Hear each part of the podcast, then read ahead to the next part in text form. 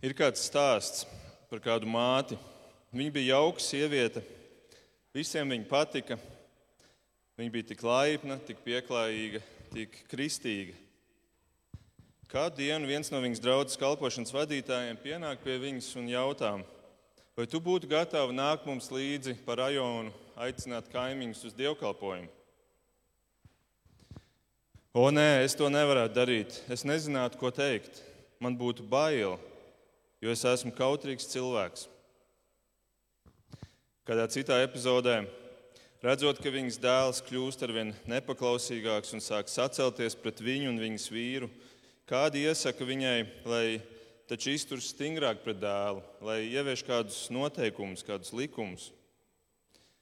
O, nē, man būtu bail, ka viņš nebūs laimīgs ar mani un ka viņš man teiks kādas nejaukas lietas. Trešā epizode. Šīs sievietes kaimiņienei nomirst vīrs, un kaimiņiene iekrīt depresijā. Šī māte apzinās, ka, ka vajadzētu iet ar viņu parunāt, vajadzētu veltīt laiku, lai parunātos ar viņu. Tomēr vienmēr viņa atrod iemeslus izvairīties no sarunas, sakot sev, es taču nezinātu, ko teikt. Man ir bail, man ir bail, ka viņi man varētu uzdot kādu jautājumu, uz kuru es nezinu atbildi. Ceturtā epizode. Viņas meita gandrīz katru nakti dzīvojas ārpus mājas un ierodās mājās tikai ap trijiem rītā, bet viņai ir bail konfrontēt savu meitu. Un tā nu šis stāsts beidzas ar to, ka šīs sievietes draudzene nomirst, šīs sievietes dēls nonāk cietumā, viņas kaimiņiene nomirst no miega tablešu pārdozēšanas, un viņas 15 gadu jaunā meita paliek stāvoklī. Pienāk pēdējā diena, tiesas diena. Dievs skatās uz viņu un liekas, ka viņš nav priecīgs.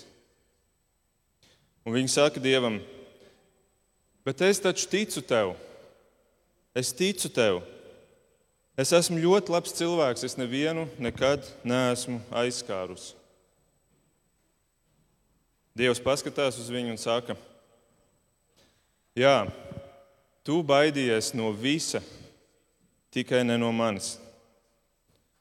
Bet, ja tu būtu pa īstam mani bijusies tajā pareizajā veidā, tad tev vairs nebūtu bail no nekā cita. Šis stāsts, kā jūs saprotat, izdomāts stāsts. Šis stāsts labi apvieno divas tēmas - bailes un tiesas dienu. Bailes un tiesas dienu. Un bailes ir aktuāla tēma šodien. Es domāju, šajā laikā, kuram mēs esam izgājuši cauri, kur mums ir bailes no neredzamiem vīrusiem, bailes no vīrusu izraisītām krīzēm, finansiālām krīzēm, bet arī bailes varbūt no sarunām ar cilvēkiem un bailes no tā, ka mēs saņemsim atraidījumu, ka mēs runāsim par kaut ko, kas mūsdienu plūsmai iet pretējā virzienā. Un arī kristiešiem ir jāsaskarās ar šīm bailēm. Bet iespējams tālajošākās bailes ir bailes no tās pēdējās dienas, no tās tikšanās ar Dievu, no tiesas dienas. Un šodien es vēlos domāt par šīm divām tēmām, par bailēm un kādu lomu tās spēlēs tiesas dienā. Svētdienu es vēlos iedalīt divās daļās. Pirmajā daļā apskatīt, ko Bībele saka par tiesas dienu. Tā būs tāda garāka daļa. Kas tieši notika šajā dienā? Ko Bībele saka par to? Un otrajā daļā beigās kādu lomu spēlē bailes šajā lielajā un briesmīgajā dienā. Bet mēs cerams pabeigsim uz cerīgas nots, un tāpēc es esmu iedevis nosaukumu šai svētdienai bez bailēm tiesas dienā. Bez bailēm tiesas dienā. Es aicinu atveriet kopā ar mani Bībeli, aizķeriet līdz pašām, pašām beigām uz atklāsmes grāmatas 20. nodaļu. Tas ir divas nodaļas pirms beigām. Atklāsmes grāmata 20 un no 11. panta un paturiet vaļā savā priekšā, jo mēs apskatīsim šo raksturvietu. Šajā vietā ir aprakstīta diena, kura, kā pat, tāpat kā mūsu stāstā, tiek saukta par pēdējo dienu, par par šīs pasaules pēdējo dienu un patiesībā arī par cilvēces pēdējo dienu. Šajā dienā cilvēce izbeidzas. Ādama radīšana bija cilvēces pirmā diena, šī ir pēdējā diena. Ar Ādamu tika atvērtas iekavas cilvēcei, ar šo dienu iekavas tiek aizvērtas. Un šo vīziju redz Jānis, kurš ir vēl pēdējais dzīvais apustulis. Jēzus dod viņam šo atklāsmu, tāpēc arī šo grāmatu sauc par atklāsmes grāmatu. Un šajā atklāsmē Jēzus atklāja, kas notiks laiku beigās. Kā draudzene tiks paņemta prom, pirms antikrists sitīs pasauli, un pirms antikrists būs jau gandrīz sakāvis Jeruzalemi. Kristus atgriezīsies. Un es ticu, nodibinās tūkstošu gadu miervalstību, kā Bībele to sauc, šeit virs zemes. Un šajā laikā Sātans būs sasaistīts un, kā Bībele saka, nemaldinās vairs pasauli uz šo laiku, bet pašā beigās Sātanam tiks, tiks dota vēl pēdējā vaļa. Un šo pēdējo vaļu viņš izmantos, lai sakūdītu tautas Gogu un Magogu pret Kristu un šo svēto, svēto nometni. Un tas viss ir aprakstīts iepriekšējās nodaļās. Un tad Dievs satrieks Sātanu un iemetīs viņu ellē Uguns un sēra ezerā, kā ir teikts iepriekšējā pantā, pirms mūsu šodienas teksta. Un tad uzreiz pēc tam seko tas, ko mēs šodien vēlamies lasīt. 11. pants. Tad es ieraudzīju troni, lielu un baltu, un uz tā sēdēja tas, no kura klātbūtnes aizbēga zeme un debesis, un nebija vairs atrodams. Jānis redz lielu un baltu troni, lielais un baltais tronis. Bībelē ir daudz troņu minēti, bet pirmo reizi lielais un baltais tronis. Jo tad, kad šis tronis kļūs redzams, tad notiks liela kataklizma, vislielākā iedomājumā. Jo šis tronis parādīsies tad, kad pasaule tiks iznīcināta, kad cilvēks izbeigsies. Jānis raksta, aizbēga zeme un debesis un nebija vairs atrodams. Zeme un debesis beidz pastāvēt. Mēs varētu teikt, notiek radīšana atpakaļ gaitā. Ja Bībeles pirmās divas nodaļas apraksta, kā pasaule tika radīta, tad šis viens pants ļoti īsi un kodolīgi apraksta, kā pasaule beigsies. Zeme un debesis aizbēgs. Kā tas ir iespējams? Kā var viss vienkārši pazust? Ziniet, ja ļoti grib, tad var pat atrast zinātnisku izskaidrojumu. Rūfs tagad noteikti klausās īpaši kā zinātnieks, ko tad es stāstīšu. Bet, um, zinātnieks un, uh, un filozofs Herberts Spencers, un es to esmu jums jau minējis kādās iepriekšējās reizēs, kad uh, viņš ir nodefinējis, viņš bija ateists un viņš nodefinēja, ka ir vajadzīgas piecas sastāvdaļas, lai pierādītu, ka kaut kas eksistē. Ir jābūt laikam, spēkam, kustībai, telpai un matērijai. Un, ziniet, Bībeles pašā pirmajā teikumā, sākumā Dievs radīja debesis un zemi. Ir minēts visas šīs piecas lietas. Sākumā ir laiks, Dievs ir spēks, radīšana ir kustība, debesis ir telpa un zeme ir matērija. Šajā pirmajā pantā jau ir minēts tas pilnais komplekts, pilnā matrica. Bet šajā lielā baltā troņa dienā viena no šīm sastāvdaļām tiek paņemta prom tiek apturēta, tiek izdzēsta. Kas ir šī sastāvdaļa? Tas ir laiks. Dievs aptur laiku, Dievs aptur to laiku, kurš mums ir šeit valdījis virs zemes. Un mēs nonākam tajā dimensijā, kurā Dievs jau mūžam dzīvo, kur viena diena ir kā tūkstots gadi un tūkstots gadi kā viena diena. Dievs piespiež stopogu pasaules un cilvēces chronometram. Laiks tiek izrauts no šīs matricas un viss sagrūst kā karš namiņš. Apstults Pēters rakstīja par šo dienu, 2. pētera 3. Viņš rakstīja, ka kunga diena nāks kā zaglis, tanī debesis ar lielu troksni izgaisīs. Pasaules elementi sadegs, sadegdami izjuks, un zemi un visu, kas uz tās Dievs piemeklēs. Elementi sadegdami izjuks. Pasaule izkūp gaisā un pazūd nekurienē. Jānis raksta, tā vairs nav atrodama.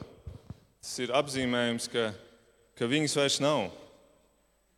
Un tāpat kā pasaule no nekurienes radās, tad, kad viņi vēl nebija nekur atrodami, un Dievs spēja viņu radīt, tāpat Dievs spēs viņu izbeigt.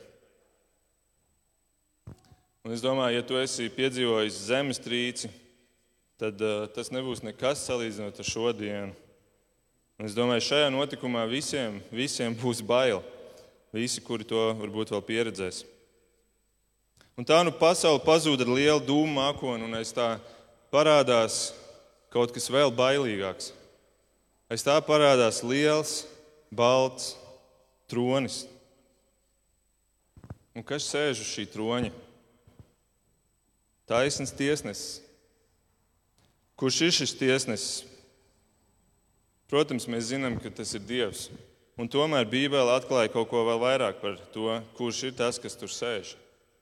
Paklausieties, ko Jēzus saka Jāņa 5, 22. Viņš saka, Tēvs netiesā nevienu, bet visu tiesu ir nodevis kam? Dēlam. Visu tiesu ir nodevis dēlam. Redziet, uz šī lielā baltā troņa sēž tiesnesis Jēzus Kristus. Jēzus būs tas, kurš tiesās šo pasauli. Un šī daudziem ir ļoti, ļoti slikta ziņa, un, un mēs turpinājumā redzēsim, kādēļ. Bet mums, draudzēji, tā ir tik laba ziņa. Tik laba ziņa, jo tas ir mūsu Jēzus. Kādēļ tieši Jēzus ir tas, nevis varbūt tēvs, kā mēs varbūt iedomājamies, iztēlojamies savā prātā. Kāpēc tieši Jēzus būs šis tiesnesis? To viņš pats paskaidro. Turpat Jāņa 5. Viņš saka, ka Un tēvs tam ir devis varu turēt tiesu, tāpēc, ka viņš ir cilvēka dēls. Redziet, neviens nevarētu tiesāt cilvēku labāk nekā tas, kurš pats ir cilvēks, kurš pats ir bijis cilvēks. Jēzus zina, ko nozīmē būt cilvēkam. Un tad laiks tiek apturēts, pasaule sagrūst un izkūp gaisā, tā tiek izmesta ārā kā izspiests citrons, jo no viņas vairs nav nekādas vajadzības. Viņi ir izpildījuši savu uzdevumu. Un šajā garīgajā dimensijā parādās balts, liels tronis ar taisnu tiesnesi uz tā, ar Jēzu Kristu. Un viņš tiesā taisnīgi. Viņš nevar netiesāt taisnīgi, jo tas būtu pret viņa paša identitāti. 5. mūzes 32 ir rakstīts, kāds ir Dievs. Viņš ir klinskalns, Un pilnīgs ir viņa darbs, jo visi viņa ceļi ir tiesa. Dievs ir uzticams un bez viltus, viņš ir taisns un patiess. Un šis baltums tam tronim, jā, tas tronis ir liels, bet viņš ir arī balts. Šis baltums ir kā simbols tam, ka šī tiesa būs taisnīga. Un man jādomā par to, ja Dievs ir šāds, ja Dievs ir taisnīgs Dievs, ja Dievs ir taisns tiesnesis, cik mums, kuri mēs sakam, mēs esam dieva cilvēki, cik mums būtu jātiecās pēc tā mūsu dzīvēm. Ka mēs meklējam taisnīgumu, mēs meklējam patiesību, mēs gribam dzīvot patiesībā visās mūsu dzīves jomās, ne tikai šajā garīgajā, bet ikdienā. Ka mēs būtu tie cilvēki, kuri ir pazīstami, ka viņi ir taisnīgi, viņi meklē taisnīgumu un iestājās par to. 12. pāns Jānis redz tālāk šo vīziju. Tad ir šis lielais baltais tronis, un tad Jānis saka, un es ieraudzīju mirušos, lielos un mazos, stāvam troņa priekšā. Lielos un mazos, ne tikai pēc vecuma, liela un maza, bet pēc sociālā statusa, pēc maka biezuma, pēc talantu daudzuma, pēc IQ līmeņa, liela un maza. Citiem vārdiem sakot, visi stāvēs lielās baltās tiesas priekšā lielā baltā troņa priekšā. Visi, arī tie, kuri bravurīgi šodien apgalvo, ka dieva nemaz nav. Visi, arī tie, kuri iestājās pret dieva likumiem, kuri iestājās par dievam pretīgu darbu legalizēšanu. Visi, arī tie, kuri ir slepkavojuši lielus un mazus un nedzimušus. Visi, kuri ir fiziski izmantojuši citus, kuri ir sagrāvuši bērnības, kuri slēpšus krāpj savus sievas un vīrus, visi. Un šie vārdi šajā visā šausmīgajā ainā tomēr uz brīdi dod kādu apmierinājumu, jo cilvēks vienalga, vai viņš ir ticīgs vai ateists, kaut kur iekšēji viņš augst pēc taisnīguma. Un es domāju, Džordža Floyda piemērs, kas notiek Amerikā, tas vienalga, cik pareizi un nepareizi notiek šie protesti, bet tas parāda, ka cilvēkā iekšā ir kaut kādas alkas pēc taisnīguma, pēc tā, ka tas, kas ir darīts netaisni, tam ir jādod tiesa pretī. Un tas notiks šeit, šeit viss taisnīgums tiks piepildīts. Tad mēs redzam, visi tiek sasaukt, lieli un mazi. Un tad lasām tālāk, tad tika attīti raksturuļi. Tika attīti raksturuļi. Un pēc tam vēl kāds rūlis, dzīvības grāmata. Un mirušos tiesāja pēc viņu darbiem, kas aprakstīti šajos ruļļos. Jūra deva atpakaļ tos, kas tajā miruši. Nāve un pazemes valstība deva atpakaļ tos, kas bija tajā, un ik viens tika tiesāts pēc viņa darbiem. Un te mēs redzam, pēc kā beig beigās cilvēks tiks tiesāts, kas būs tas izšķirošais, kas izšķirs mūžību, kas tas ir? Darbi. Darbi, visi tiks tiesāti pēc darbiem. Mēs varbūt sakām, nu, pagaidi, pagaidi, bet, bet mēs taču tiekam tiesāti pēc ticības, vai mums ir ticība vai nav. Jā, bet ticība bez darbiem ir mirusi ticība, kā Jēkabs saka. Tā ir viltus ticība, tā izskatās pēc ticības, bet tas ir līķis, kurš nemaz nav dzīves. Ja ticība ir īsta, tad tur būs darbi. Un kāds būs Dieva standarts šiem darbiem? Nu, kas būs tas, pēc kā Dievs pateiks, vai tavi darbi ir bijuši derīgi? Cik procentiem ir jābūt tiem labajiem darbiem, lai tu tiktu cauri sveikā šajā tiesā? Piemēram, islāmā labiem darbiem ir jābūt vairākumā. Nu, ja tev ir 51%, tad tu esi labs, skaities labs cilvēks un tu vari iet dieva klātbūtnē. Vai kristietībā ir līdzīgi? Cik procenti? Šis tiesnesis Jēzus pasaka, kāds ir Dieva standarts. Kalnu svētdienā viņš saka, topiet 51% pilnīgi. Nē, tā viņš nesaka. Viņš saka, topiet pilnīgi, kā jūsu debesu tēvs ir pilnīgs. Topiet pilnīgi. Pilnīgi, pilnīgi nozīmē 100%. Standarts ir 100%.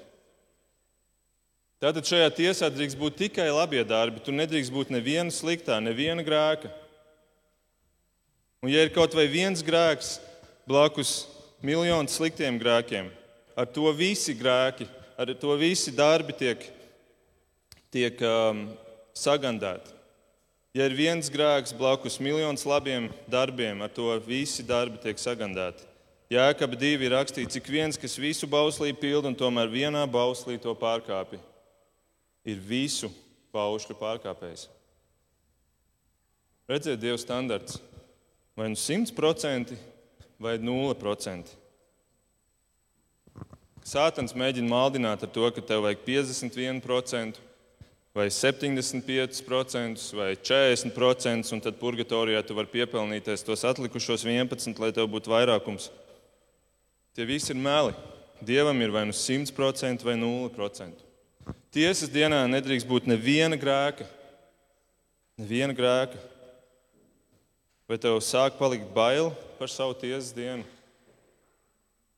Jo prasīta tiek pilnība. Vai tu esi pilnīgs? Un atceries, ir pierakstīti visi darbi, visa dzīve, visi tavi gadi, mēneši, dienas, stundas, minūtes, sekundes. Un sliktā ziņa ir tā, ka ne tikai tavi darbi ir pierakstīti, bet tavi vārdi, un vēl vairāk pat tavas domas. Lūk, 8 ir teikts, nav nekā apslēpta, kas netaptu redzams. Nekā pat domas nav apslēptas. Nav nekā apslēpta, kas netaptu redzams. Nav nekā noglabāta, kas reiz netaptu zināms vai nenāktu atklātībā. Dievs visu redz, viss ir pierakstīts. Viss nāks atklātībā. Vai jūs esat domājuši par šiem vārdiem? Nāks atklātībā. Nāks atklātībā. Mēs nesen ar ģimeni bijām kādā izbraukumā, mēs palikām kādā viesunamā pa nakti. Un, un, kā jau mums ar četriem puikām, mums parasti tie vakari dažreiz ir tādi skaļāki un, un, un arī pozitīvā ziņā. Tad mēs parasti sakām, ka mēs esam tāda itāļu ģimene. Kad ierodamies kaut kur, tad, tad to uzreiz pamana. Un, un, un, bet bija, bija labs laiks, un atpakaļ ceļā man sieva izmet tādu teikumu, cik forši būtu, ja kāds visus šos mirkļus uzfilmētu, ka mums paliktu viņa atmiņā. Vajadzētu kādu video operatoru līdzi, kurš fonā filmē mūsu. Ziniet, patiesība ir tā, ka mums jau ir šāds video operators, kurš seko mums līdzi visā. Viņš pat var ielausties mūsu domās. Viņš ieraksta visu. Un lielajā baltā tiesas priekšā viss nāks atklātībā. Parasti tā nākšana atklātībā tiek ilustrēta kā tāds kino, kurā ir liels ekrāns, un tad visi stāv un skatās.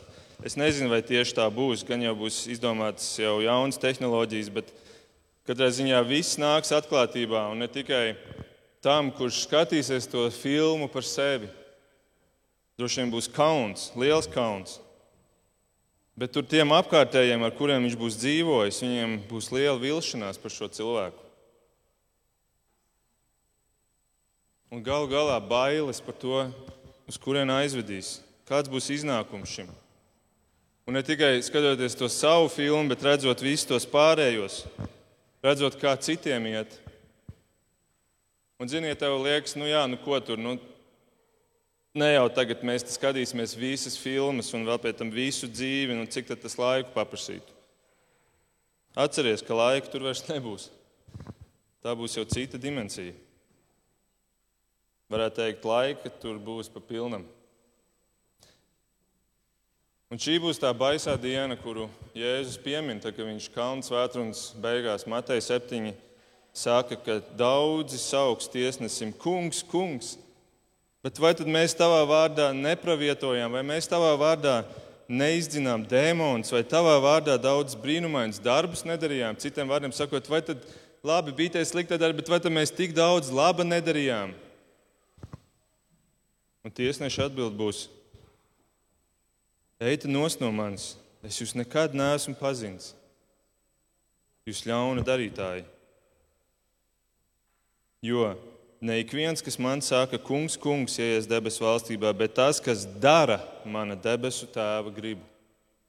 Un kas ir debesu tēva griba? Ka tu esi pilnīgs. Dievs grib pilnību.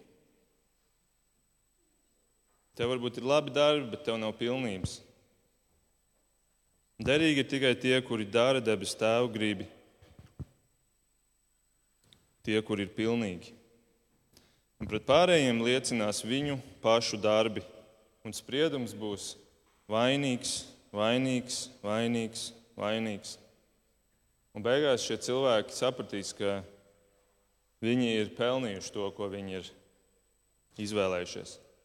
Es domāju, tur neviena nebūs, kurš beigās teiks, ka es neesmu to pelnījis. Un vainīgie tiks nosūtīti uz ieslodzījumu vietu, kas ir aprakstīta nākamajos pantos, 14. pants. Nāve un ēle tika iemestas uguns ezerā. Šī ir otrā nāve, uguns ezers. Ik viens, kura vārds nebija ierakstīts dzīvības grāmatā, tika iemests uguns ezerā. Šis uguns ezers ir mūžīgā elle. Atšķirībā no tās ēles, kas tiks iemesta uguns ezera ellē. Redziet, šajā pantā ir minēts divas ēles. 14. pantā elle tika iemesta uguns ezerā. Arī šo es esmu jau kādreiz um, paskaidrojis, bet es šajā vietā vēlos to vēlreiz izcelt, ka ir pirmā elle, ko Bībele sauc par elli, kas grieķu valodā ir Hades un ebreju valodā ir Šeola. Un tā ir tāda kā pagaidu ieslodzījuma vieta. Tur nonāk visi tie līdz šai tiesas dienā nomirušie. Un, eh, un līdzīgi kā noziedzniekam, arī mūsu ne, tiesas sistēmā pirms tiesas sprieduma viņš tiek ievietots pagaidu ieslodzījuma vietā. Un tad notiek tiesas sēde, un tad pēc sprieduma saņemšanas viņš tiek nosūtīts uz gala ieslodzījumu vietu, kas šajā gadījumā ir uguns ezers. Un šis uguns ezers um, grieķu valodā ir Gehenna. Gehenna. Gehenna ir Benhinom ieleja. Tas tas pats vārds, tikai tāpat vārda sakne. Benhinom ieleja Gehenna. Un šī Benhinom ieleja atrodas Jeruzalemē, kurā Jēzus laikā un, un ilgi, kura tika lietota kā atkrituma izgāstuve. Tajā dega uguns dienu un nakti, tāpēc viņa, viņas simbols ir šī mūžīgā uguns. Tā bija atkrituma izgāstuve, bet tur met arī līķus, noziedznieku līķus, kur nebija cienīgi, lai viņus apglabā kapos. Tur valdīja neciešama smaka, tur bija žurkas un Un vēl pirms Jēzus laika šajā, šajā ielā tika dedzināti bērni kā upuri Elgdievam Moloham. Tātad briesmīga vieta, simbols šim uguns ezeram. Un Jēzus saka, ka tur nonāks katrs, kurš netiks atzīts par derīgu. Un šajā vietā uguns karstums katram būs atšķirīgs, Bībele māca. Pēc darbiem Un, ziniet, karstākā uguns degs tiem, kuri ir daudz dzirdējuši par Jēzu. Jēzus salīdzina pilsētas, kurā viņš saka, ka Kapernaumai būs daudz uh, lielāks sots, daudz smagāks sots nekā, piemēram, Sodomai un Gomorai tiesas dienā. Kāpēc? Tāpēc, ka Kapernauma ir tik daudz dzirdējusi, tik daudz redzējusi par Jēzu. Uguns tai būs karstāks. Un viskarstākā uguns būs kristiešiem, jeb tiem, kuri dzīvojuši kristietības vidū, kuri ir saņēmuši neskaitāms aicinājums nožēlot savus grēkus un atzīt Dievu par savu radītāju un Jēzu par savu kungu, kuri ir noraidījuši Jēzus upuri. Viņi krāja savu sodu, kā Pāvils Romiešiem divi raksta, ka ar savu stūrgalvību un nocietināto sirdi, kas neatgriežas no grēkiem, tu krāji dusmas Tu krāji dusmas pret sevi tai dieva dusmības dienai, kad atklāsies viņa taisnā tiesa. Šie cilvēki tik krāja un krāja sev.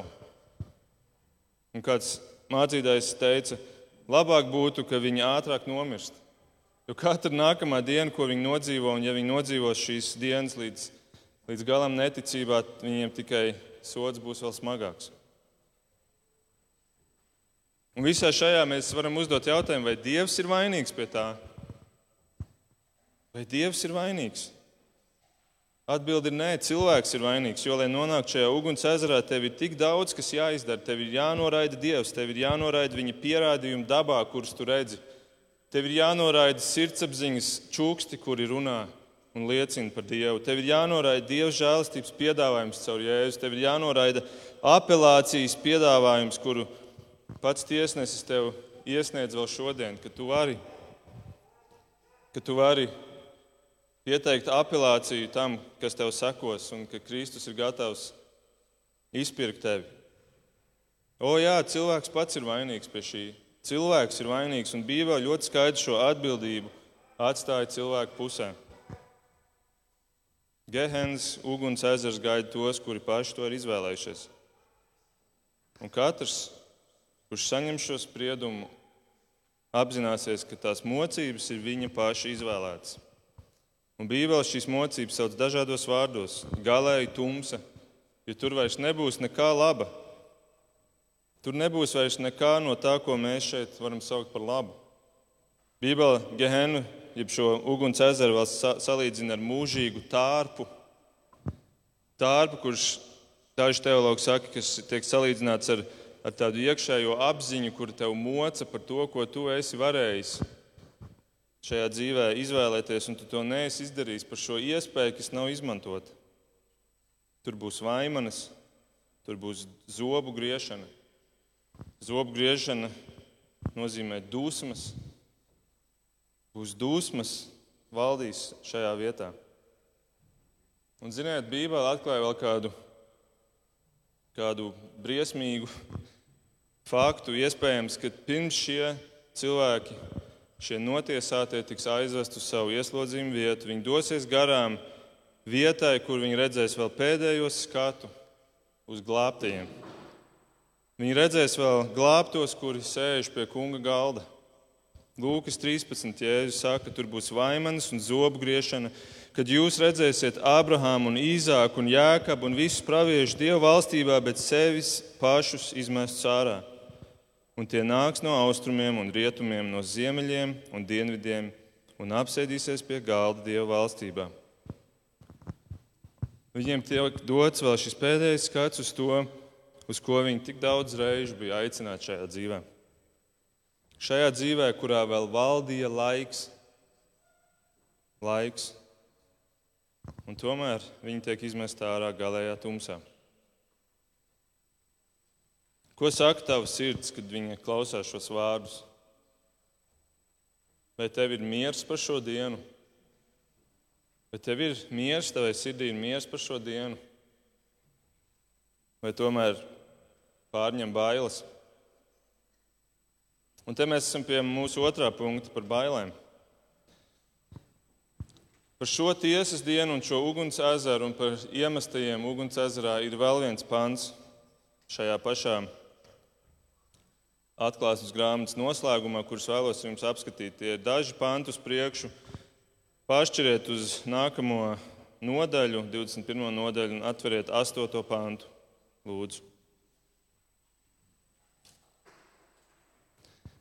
Izlasīsim to kopā.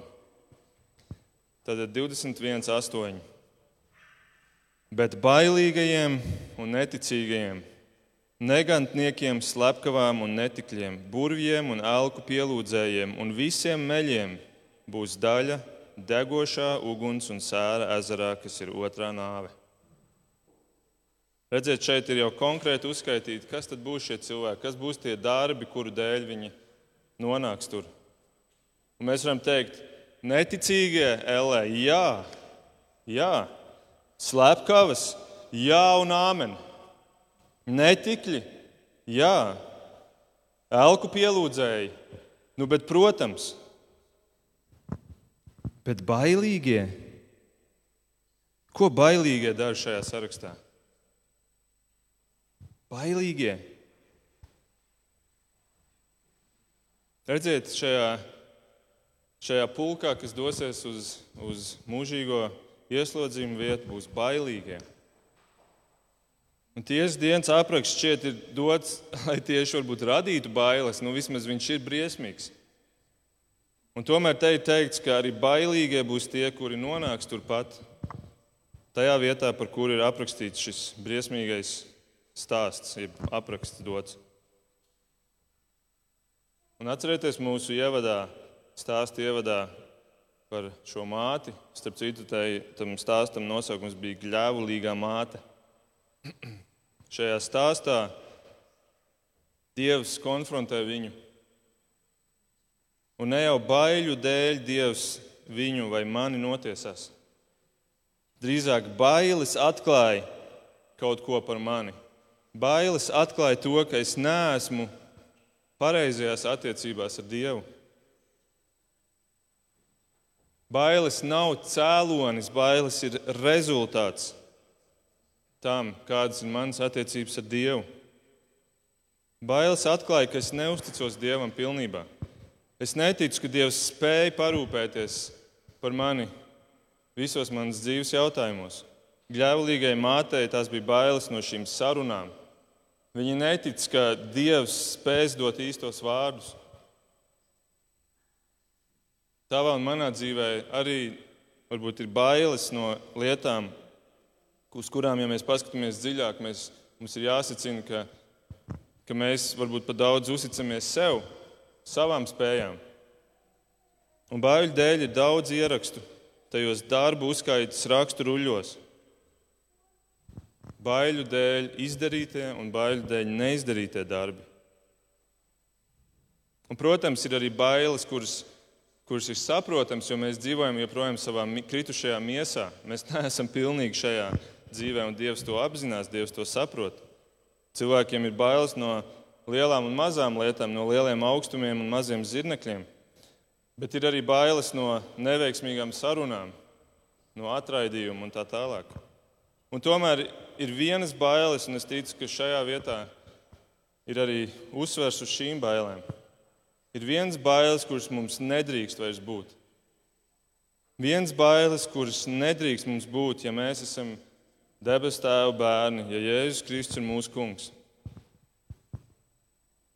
Ja esam mīlošās attiecībās ar Dievu, mīlošās attiecībās ar Dievu nav šādu baiļu. Un ja mums ir šīs bailes, kuras tu nosaukšu, tad mēs nevaram būt droši, ka mēs neesam tajā sarakstā no atklāsmes grāmatas, kuri dodas uz šo uguns ezeru. Un šīs bailes ir minētas 1. Jāņa 4, 17 līdz 19. Paklausieties! Ar to mīlestība pie mums ir pilnīga. Redziet, pilnīga. Tas ir tas Dieva standarts, pilnīga. Ka mums ir paļāvība tiesas dienā. Mums ir paļāvība tiesas dienā. Nevis bailes tiesas dienā, bet paļāvība tiesas dienā. Jo tāpat kā viņš ir, tā arī mēs esam šajā pasaulē. Mīlestībā nav baiļu, jo pilnīga mīlestība aizdzen bailes. Bailēs ir mokas, un bailīgais nav pilnīgs mīlestībā.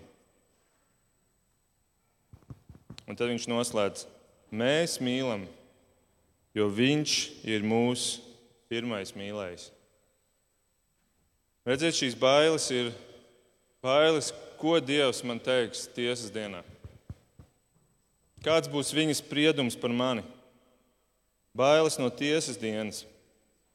Ja man ir šīs bailes, tad es neesmu tajā pilnīgajā mīlestībā, un Dievs dod pilnīgu mīlestību man. Te ir pretstatīta pilnīga mīlestība un bailes.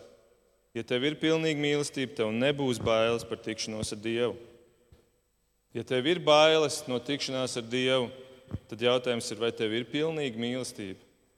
Vai tu dzīvo varbūt nepilnīgā mīlestībā, kura ir pati izvēlējusies Dievu tādu, kādu tu viņu gribi? Tu esi izveidojis Dievu savā galvā, un tu mīli šādu Dievu, nevis to Dievu, kurš ir Bībeles Dievs. Pilnīga mīlestība ir prasība. Dievs, es teicu, prasa pilnību, un arī mīlestībā viņš prasa pilnību. Un Bībele saka, ka ir iespējams aizsniegt šo pilnību.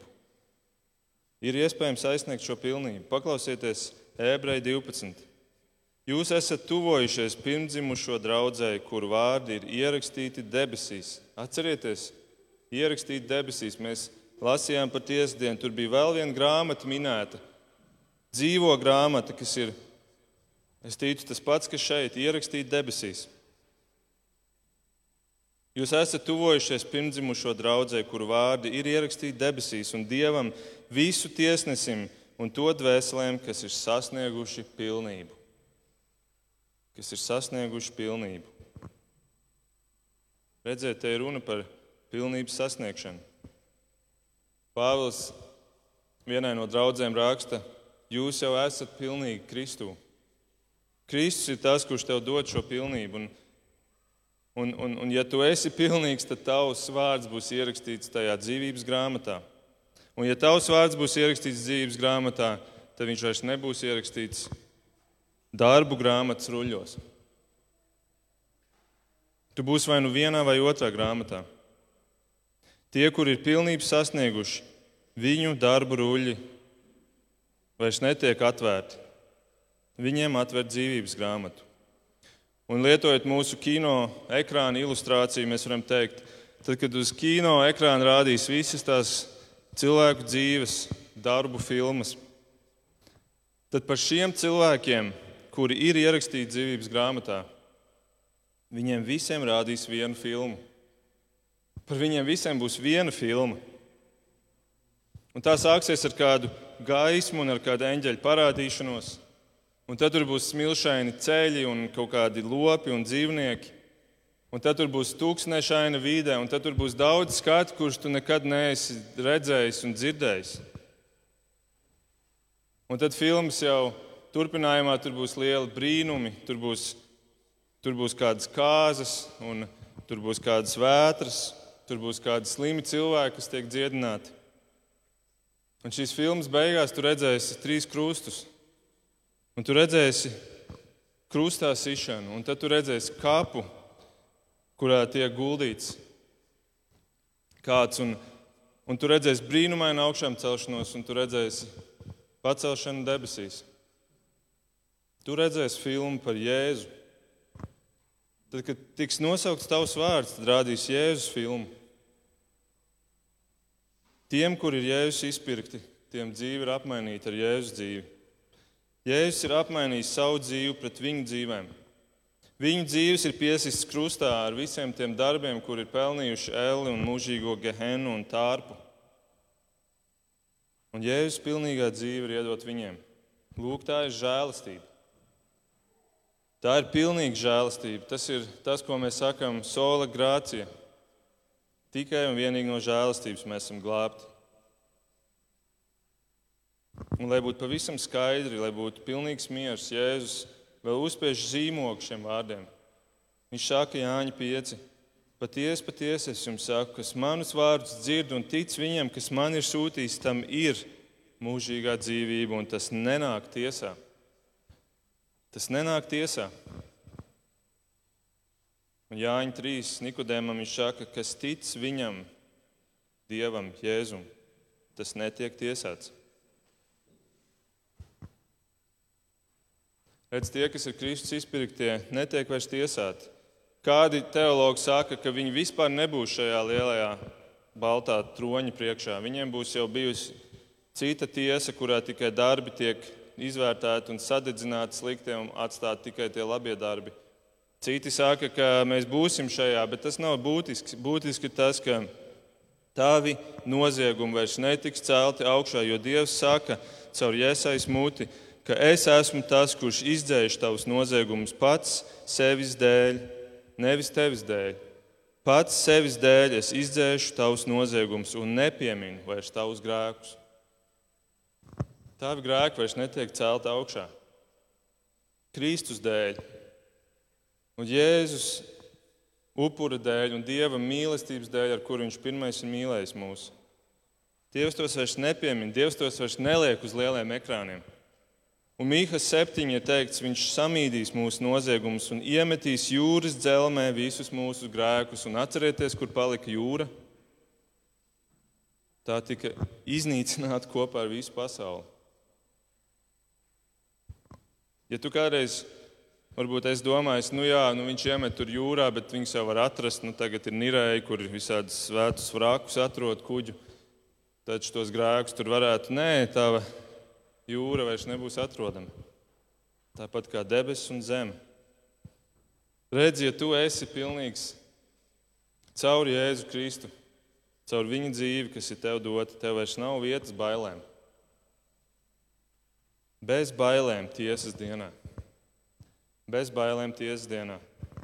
Čārls Pērģents ir teicis, puse no mūsu bailēm rodas no nevērības pret Bībeli.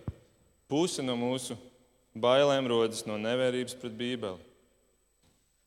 Un tāpēc es vēlos, ka nevis tie ir mani vārdi, kurus, ar kuriem es mēģinu jūs pārliecināt, bet ka Dieva vārds ir tas, kas dod mieru tiem, kuri ir mierā ar Dievu. Bet lai Viņš dod nemieru un bailes tiem, kuri nav mierā ar Dievu, un lai viņi caur šīm bailēm, kas ir labs ceļa sākuma kompanjons, lai viņi nonāktu līdz šim mieram, caur Dieva vārdu mierinājumu. Lai Dieva vārds ir tas, kas apliecina mums, ka esam Kristu un kas atņem šīs bailes, un lai Dieva vārds ir tas, kas dara mūs brīvus. Un, un ka atraisīti no šīm bailēm mēs varam kalpot Viņam ar prieku un ar dedzību. Lūksim Dievu! Mīļais kungs, paldies Tev par Tavu vārdu.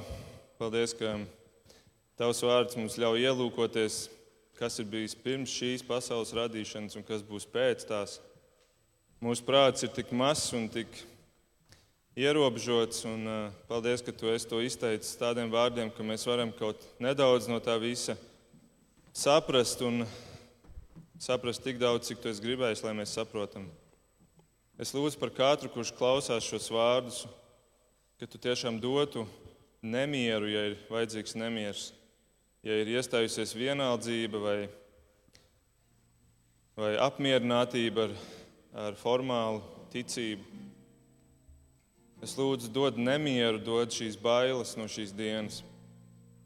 Bet tiem, kuri ir tevī, kungs, ka viņi varētu ticēt līdz galam, ka tas ir tavs darbs un ka stājoties pretī tev, tu, Dievs, Tēvs, uzlūkos mūs tā, kā tu uzlūko savu dēlu, Jēzu Kristu.